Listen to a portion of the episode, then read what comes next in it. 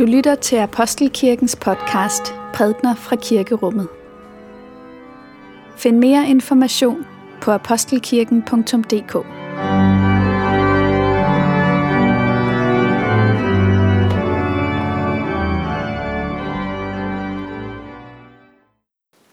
Lad os bede.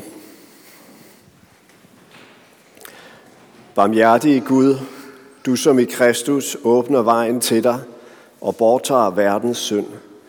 Jeg beder dig, rens mig, så jeg bliver ren. Helbred mig, så jeg bliver hel. Drag mig til dig, så mit hjerte finder ro.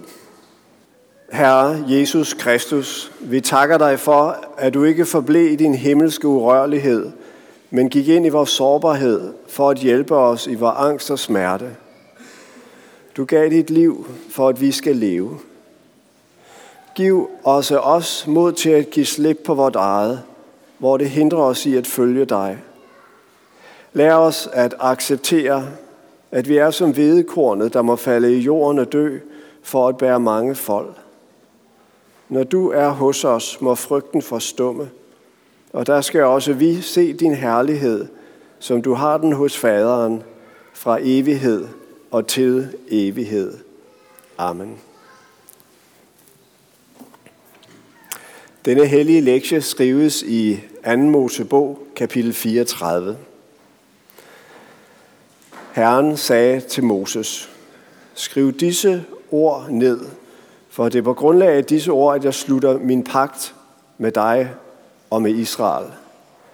Så blev han der hos Herren i 40 dage og 40 natter, nætter uden at spise og drikke noget. Han skrev pagtens ord, de ti bud på tavlerne. Da Moses kom ned fra Sinai's bjerg, havde han vidnesbyrdets to tavler i hånden, da han gik ned fra bjerget. Moses vidste ikke selv, at det strålede fra hans ansigt, fordi Herren havde talt med ham. Men Aaron og alle israelitterne så, at det strålede fra hans ansigt, og de blev bange for at komme ham nær. Men Moses kaldte på dem, og Aaron og alle overhovederne i menigheden kom hen til ham igen, og Moses talte med dem. Derefter kom også alle israelitterne nærmere, og han gav dem besked om alt det, Herren havde sagt ham på Sinai's bjerg.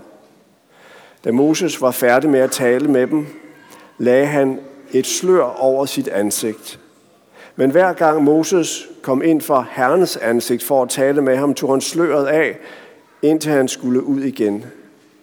Så gik han ud og fortalte israelitterne, hvad han havde fået befaling om.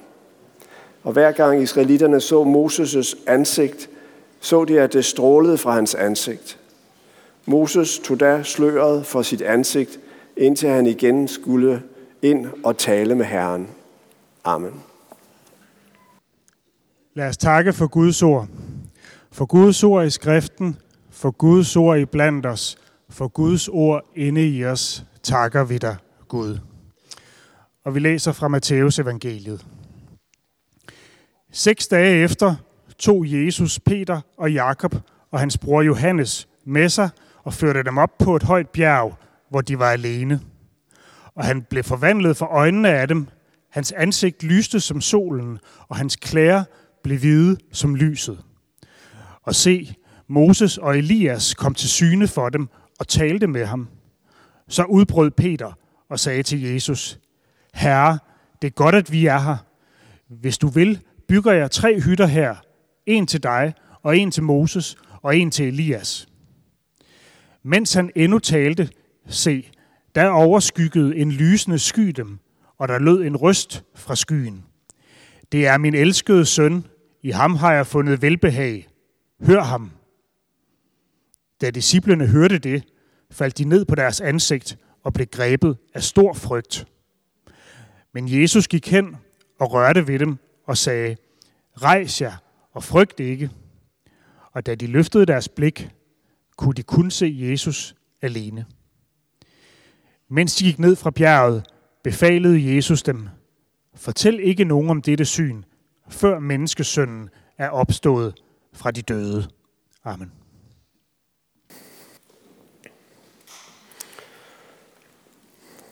Lad os et øjeblik forestille os, at det var gået sådan, som Peter havde foreslået. Altså, at han var begyndt at samle nogle rafter og samle den og bygge tre hytter. En til Jesus, en til Elias og en til Moses. Så havde de etableret en lejr, kan man sige, op på toppen af det høje bjerg. Et helligt sted. Og hvad var der så sket? Jo, men så var der vel sket det, at nyheden havde bredt sig. Folk havde hørt om det, det forunderlige sted, hvor Jesus og Moses og Elias var samlet, og, og de var strømmet op til bjerget. Det havde kaldt på en vis administration. Et forkontor, så at sige. Når alle de her mennesker kommer strømmende, så er man nødt til, at, at, at der er nogen, der ligesom har den opgave at sige, ja, så er det dig tur og din tur, og hvis du lige trækker et nummer, det hele vil på en måde blive en form for institution. Fordi det her, det er stedet. Det er her, det foregår. Og, og hvis du virkelig vil øh, have noget med, med Gud at gøre, så må du rejse til det her sted. Så må du kravle op ad det her bjerg og komme herop og se de her tre hytter, for det her, de er. Profeterne og Herren selv.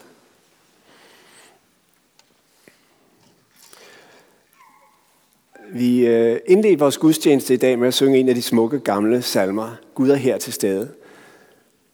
Øh, det vil man ikke kunne synge, hvis de havde bygget de hytter. Så er han til stede der, ikke her. Altså, og så kan vi så lave en pilgrimsrejse og komme derhen, hvor han er på et tidspunkt. Men Gud er her til stede. Det er noget andet. Altså, det betyder jo, at vi ikke skal et andet sted hen for at møde ham.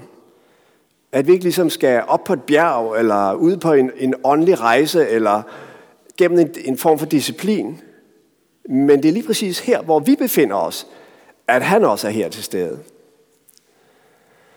Gerhard Terstegen, som skrev den her salme, han var tysk vækkelsesprædikant tilbage i 1700-tallet, og han siger i en af sine prædikner omtrent sådan her. Meget få af os tror i grunden på det mysterium, at Gud er til stede. Men i alt kristen praksis er intet vigtigere, intet mere elementært og nyttigt end den velsignelse, den velsignede erkendelse af Guds kærlige tilstedeværelse. Peters intention var jo i og for sig god nok, kan man sige. Eller Lukas han har den her bemærkning, han siger, sådan sagde Peter, for han vidste ikke, hvad han ellers skulle sige. Og man kan måske godt fornemme, at det er sådan lidt, øh, et eller andet skal man vel sige. Og så, så kommer den her idé ud. Men, men, men ikke desto mindre, så, så er der noget afslørende i det, det Peter siger. Han vil fastholde øjeblikket. Her er godt at være. Det er fantastisk, det som sker her. Nu vil jeg gøre, hvad jeg kan for at sikre, at det ikke forsvinder igen. Hvordan kan jeg gøre det? Jeg kan bygge. Fordi når man bygger nogle hylder, så har man etableret noget, en, en form for centrum. Og, og, og ud fra det centrum, der kan ringene så bevæge sig. Og i virkeligheden ligger der i kim, i den her idé af Peter, en form for fristelse for kirken. Nemlig den fristelse at, at tænke, okay, vi etablerer et centrum og, øh, og bygger noget op, og derudfra kan man så ligesom gøre sin indflydelse øh, øh, gældende i verden. Der er en, øh, en tysk teolog, der formulerer det sådan. Jesus forkyndte Guds rige komme, Guds riges komme, i stedet for kom kirken. Og det er på en, det, det er på en måde lidt den øh, bevægelse, vi ser her. Kirken forstået som, som institution, som bygninger øh, osv. Øh, fra visionen af Gud er her til stede. Han er her midt i blandt os. Han er ikke længere fjern til en forståelse af, at Gud er et andet sted øhm, øhm, i, i, i nogle bygninger. På et bjerg. Men, men, men hele øh, den, det dybe mysterium, som Jesus åbenbarer for os, som han kom med, det er at sige, nej, Gud har ikke en hytte på bjerget. Han er heller ikke engang afgrænset af de mure, der er omkring den kirke, som vi sidder i nu, eller hvilken som helst anden kirke. Det er heller ikke engang sådan, at vi er nødt til at tænke på ham, eller bede til ham, for han er til stede. Han er her til stede, hvor end vi er i vores tanker. Han er her før os. Han er her øh, øh, overalt til stede. Han, han er ikke fjern fra os noget øjeblik. Det, som øh, Peter og Jakob og Johannes hørte på forklarelsens bjerg, det var i og for sig ikke noget nyt. Bladrer vi et kapitel tilbage med Matteus evangeliet, så har vi beretningen om, hvordan Jesus han spørger sine disciple, hvem siger folk, at jeg er? Jo, der er nogen, der siger, at du er Elias. Der er nogen, der siger, at du er profeten, der skal komme, hvilket vil sige Moses, fordi der er den her profeti om, at der skulle komme en profet i Moses lighed. Øhm, og så siger han, men I, hvem siger I, at jeg er? Og så er det Peter, han siger, du er Kristus, den levende Guds søn. Det er allerede sagt. Og, og når det lyder fra himlen, nogle vers senere, den er min elskede søn, lyd ham, så, så er der sådan set ikke noget nyt i det budskab. Peter har allerede formuleret det øh, nogle vers forinden øh, selv. Men det nye er, at de nu erfarer det, som de tror. At det ikke bare er, vi tror, at selvom vi ikke kan se det, så er du Guds søn og har delt Guds herlighed. Men lige med et, så sker der det, at øh, de bliver grebet af det her voldsomme lys, og, og de må falde til jorden for at, og, og skjule sig for det, fordi det er så overvældende stærkt, og det lyder den her røst. Det er min elskede søn, den enborne. Og det er jo sådan, det er. Vi har, vi har jo selv sagt det lige for få minutter siden. Jeg tror på Jesus Kristus, Guds enborne søn, vor Herre. Og vi mærkede ikke jordens skælve under os, og vi så heller ikke noget stærkt lys. Vi erklærede vores tro, men øhm, erfaringen, visionen, sansningen af det, øh, den fik vi ikke, eller jeg gjorde i hvert fald ikke. Den må vi ofte øh, vente på. Og i og for sig er det ikke noget, vi skal stræbe efter. Det er ikke noget, vi skal jage gennem vores liv, eller forsøge at fastholde, når det kommer. Der står, at Jesus tog dem op på et højt bjerg. Bjerget har jo en stor betydning i Bibelen. Gang på gang i de bibelske beretninger hører vi om, at, at det er på bjerget, Gud giver sig til kende. Men det interessante ved den måde, bjergene beskrives på i det gamle testamente, det er, at det ikke først og fremmest et sted, hvor mennesker stiger op, men det er først og fremmest et sted, hvor Gud stiger ned. Vi læste som gamle testamente beretningen om, om Moses på Sinai bjerg. Ikke? Altså først som, som hyrde, så åbenbarede Moses sig for øh, Gud sig for Moses i den brændende tornebusk. Og så er der den her beretning om, hvordan de under ørkenvandringen kommer til bjerget Sinai. Og Moses går op på toppen af bjerget. Hvorfor det? Er det fordi Gud bor deroppe? Nej. Gud stiger ned, når han er oppe på bjerget. Bjerget er ikke først og fremmest et, øh, et mål for de åndeligt trænede bjergbestigere, der kan gå derop. Bjerget er udtryk for det sted, hvor Gud han kommer ned til os.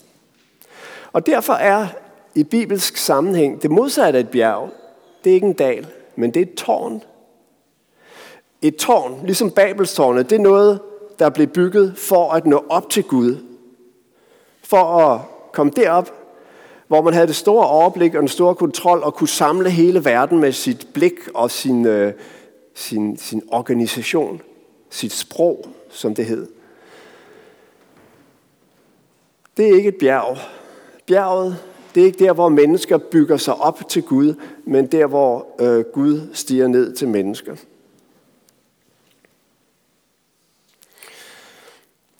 Jesus kom ikke til verden for at etablere en hytte på toppen af et bjerg. Det var ikke tre hytter, han vil rejse. Nej, skal vi få stå betydningen af, hvem han er, hvad han kom for at gøre, så er det ikke de tre hytter, men de tre kors, vi skal tænke på. For på korset, der gik Jesus ind i den dybeste nød og elendighed, det dybeste mørke. Han indtog helvede og overvandt det, for at vi ikke skal gå derned.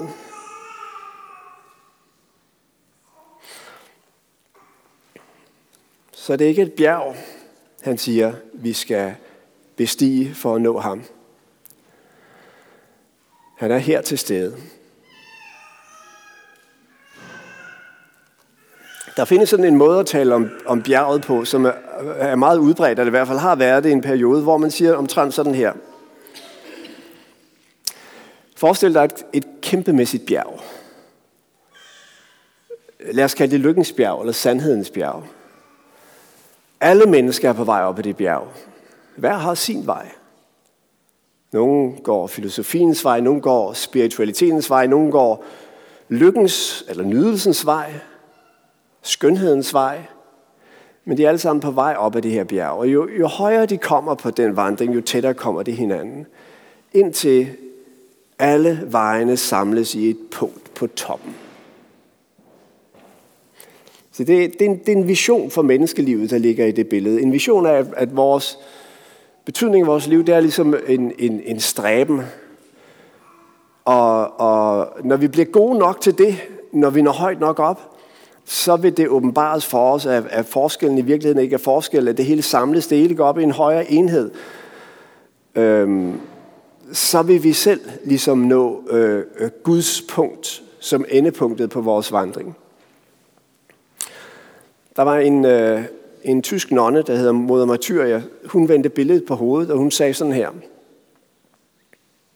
Hvis vi forestiller os det her bjerg, som mennesker er på vej op af, så må vi forstå, at Jesus står ved bjergets fod og venter på at tage imod os, når vi giver op. Så det er en, det er en anden vision af menneskelivet, der ligger i det. Det er ikke en vision, der siger, sæt dig et mål og nå det. Øh, forfølg din åndelige mål til det yderste. Men det er en vision, der siger, min kære ven, sæt i øjnene. Det du har brug for, det er barmhjertighed og kærlighed, og den er her. Det var i virkeligheden det, som Peter selv oplevede. For efter hans byggeprojekt på Tabor bjerg, som vi læser om her, så sker der jo noget med Peter. Og en af de ting, der sker, det er, at han selv gennemgår et nederlag. Han fornægter sin herre.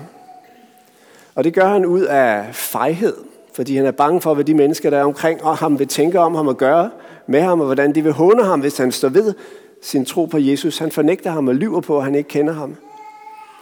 Og så kommer bagefter genrejsningen, hvor Jesus tager ham til sig, erklærer ham sin kærlighed og siger, at han skal vogte sin for.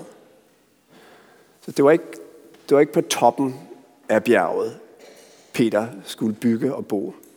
Nej, han skulle være et menneske, der ligesom os andre ikke formår at leve op til idealet for, hvad det vil sige at menneske, som har brug for barmhjertighed, tilgivelse og Guds kærlighed.